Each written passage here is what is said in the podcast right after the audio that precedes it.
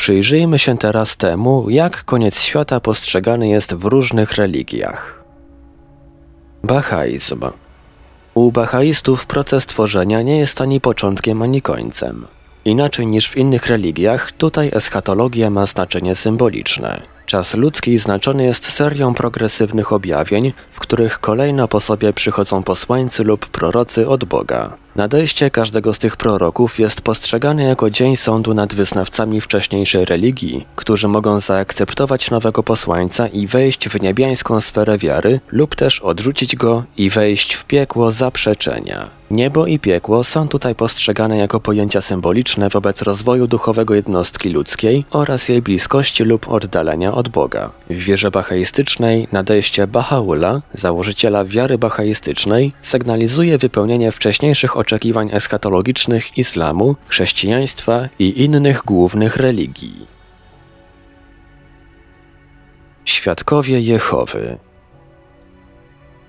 Świadkowie Jehowy uczą, że śmierć jest następstwem grzechu odziedziczonego po Adamie. Według nich w chwili śmierci umiera dusza, podobnie dzieje się z duchem. Ustają wszelkie funkcje życiowe. Umarli nie mogą czuć ani w żaden sposób wpływać na żyjących. Świadkowie Jehowy wyróżniają dni ostatnie. Jest to nazwa szczególnego okresu, który stanowi wstęp do radykalnego przełomu w dziejach ludzkości, wielkiego ucisku. Trwa jednocześnie z obecnością, czyli paruzją Jezusa Chrystusa. W terminologii świadków Jehowy okres ten nazywany jest również zakończeniem systemu rzeczy. Sugeruje ono istnienie pewnego wyróżniającego się okresu o niesprecyzowanej długości, zakończonego przełomowym wydarzeniem. Nie odnosi się do globalnej zagłady planety, chodzi tu raczej o koniec charakterystycznego stanu, systemu bądź porządku w dziejach ludzkości. Inne terminy spotykane w nomenklaturze świadków Jehowy, określające dni ostatnie to czas końca, koniec dni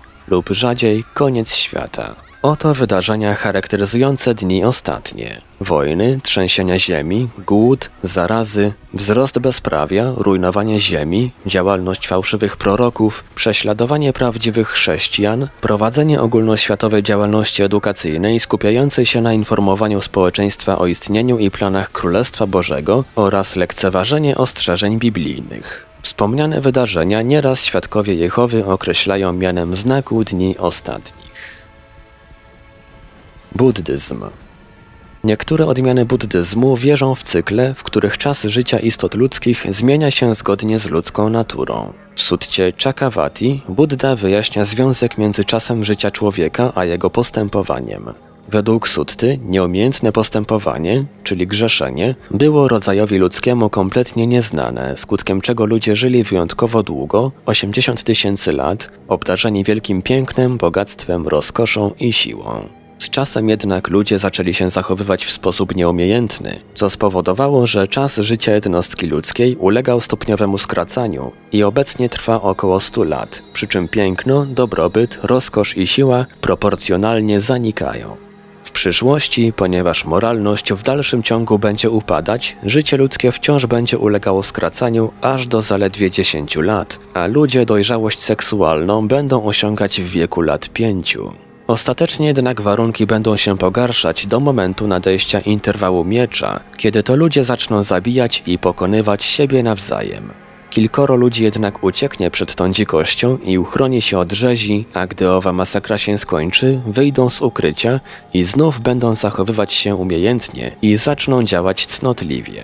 Wraz z odzyskaniem cnoty życie ludzkie będzie się stopniowo wydłużać, do momentu aż osiągnie 80 tysięcy lat, a ludzie będą osiągać dojrzałość seksualną w wieku 500 lat. Islam Życie po śmierci stanowiło, obok jedności i jedności Boga, główny temat przepowiadania Mahometa, dlatego tematyka sądu i zmartwychwstania bardzo często pojawia się na kartach Koranu. Święta Księga Islamu szczegółowo opisuje przyszłe losy zbawionych i potępionych. W barwnych obrazach ukazane są radości życia w raju i męczarnie piekła. Również hadisy zawierają liczne opowieści o końcu świata i przyszłych losach człowieka. W dniu sądu ostatecznego, który nastąpi w czasie znanym tylko Bogu, wszyscy ludzie, którzy od początku świata żyli na ziemi, zmartwychwstaną i zostaną powołani przed Jego oblicze. Wszechmogący zadecyduje o nagrodzie lub karze na podstawie czynów człowieka. W celu sprawiedliwego osądzenia Bóg będzie miał do dyspozycji kilka elementów księgi, w których zapisane są czyny ludzkie, wagę, na której te czyny zostaną zważone oraz most, który z miejsca sądu, ponad piekłem, prowadzić będzie do bram nieba. Na sądzie wystąpią również prorocy jako świadkowie tych narodów, do których zostali posłani. Zgodnie z tradycją, Mahomet będzie miał prawo wstawić się za muzułmanami, aby wyprosić im drogę do raju. Wizja życia pozagrobowego zawarta w Koranie ma charakter duchowy i cielesny dusza i ciało połączą się na nowo. Chrześcijaństwo Koniec obecnego świata w chrześcijaństwie kojarzony jest z powtórnym przyjściem Jezusa Chrystusa na ziemię. Będzie ono związane z odnowieniem się wszystkich rzeczy. Jezus Chrystus przyrównuje koniec świata do potopu. Podobnie jak biblijny potop, będący typem końca świata, wydarzenie to nie będzie prowadzić tylko do zagłady bezbożnych ludzi, ale też do ratunku ludzi sprawiedliwych. Sprawiedliwi dostąpią zbawienia i wiecznego szczęścia. Bezbożni jako karę poniosą wieczną zagładę z dala od oblicza pańskiego i od potężnego majestatu Jego. Stosunku do złych Biblia mówi, że Jezus Chrystus przyjdzie na dzień sądu, aby zostali osądzeni wszyscy, którzy nie uwierzyli prawdzie, lecz znaleźli upodobanie w nieprawości, którzy mają zginąć, ponieważ nie przyjęli miłości prawdy, która mogła ich zbawić, dla pomsty wobec tych, którzy nie znają Boga i nie są posłuszni Ewangelii, czyli dobrej nowinie Jezusa Chrystusa. Przed owym przyjściem na świecie będą miały miejsce konflikty między narodami, głód, epidemie, trzęsienia ziemi oraz prześladowanie chrześcijan, które nastąpi po wymienionych wcześniej plagach i podczas którego wielu odstąpi od Jezusa. Powtórne przyjście Jezusa będzie stanowić odpoczynek i ratunek dla wiernych, tych, którzy wytrwają.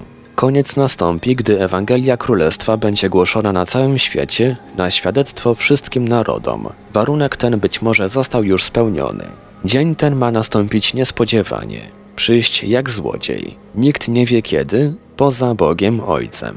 Fałszywi prorocy będą się podszywać pod bycie namaszczonym, czyli Mesjaszem, lecz chrześcijanie nie powinni dać się zwieść. Jezus Chrystus powtórnie przyjdzie w chwale, stąpi z nieba na ziemię na obłokach niebieskich wraz z aniołami swojej mocy. Pośle on swoich aniołów z trąbą o głosie potężnym i zgromadzą jego wybranych z czterech stron świata, od jednego krańca nieba aż do drugiego. Wtedy z martwych wstaną ci, którzy należą do Chrystusa. Koniec nie nastąpi jednak wcześniej niż nastanie odstępstwo i objawi się człowiek niegodziwości, syn zatracenia, przeciwnik, który wynosi się ponad wszystko, co zwie się Bogiem lub jest przedmiotem boskiej czci. Zasiądzie on nawet w świątyni Bożej, podając się za Boga. Pojawieniu się jego towarzyszyć będzie działanie szatana z całą mocą wśród znaków i fałszywych cudów.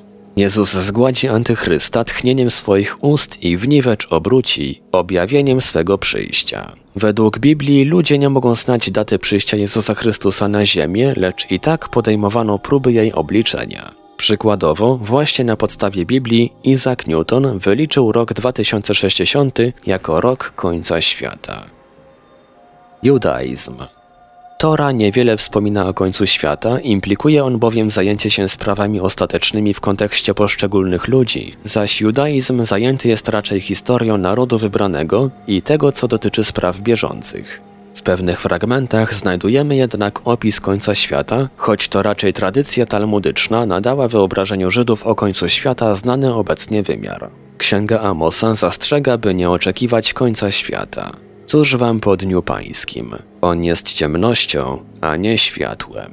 Gdy już ów koniec świata nadejdzie, Mesjasz będzie musiał stoczyć walkę z armią Goga i Magoga. Wódz tej armii zostanie sprowadzony na górę Synaj i osądzony, a następnie stracony. Ziemia zostanie oczyszczona z wszelkiego zła i dokona się budowa czystego i świętego domu dla Pana i Jego poddanych.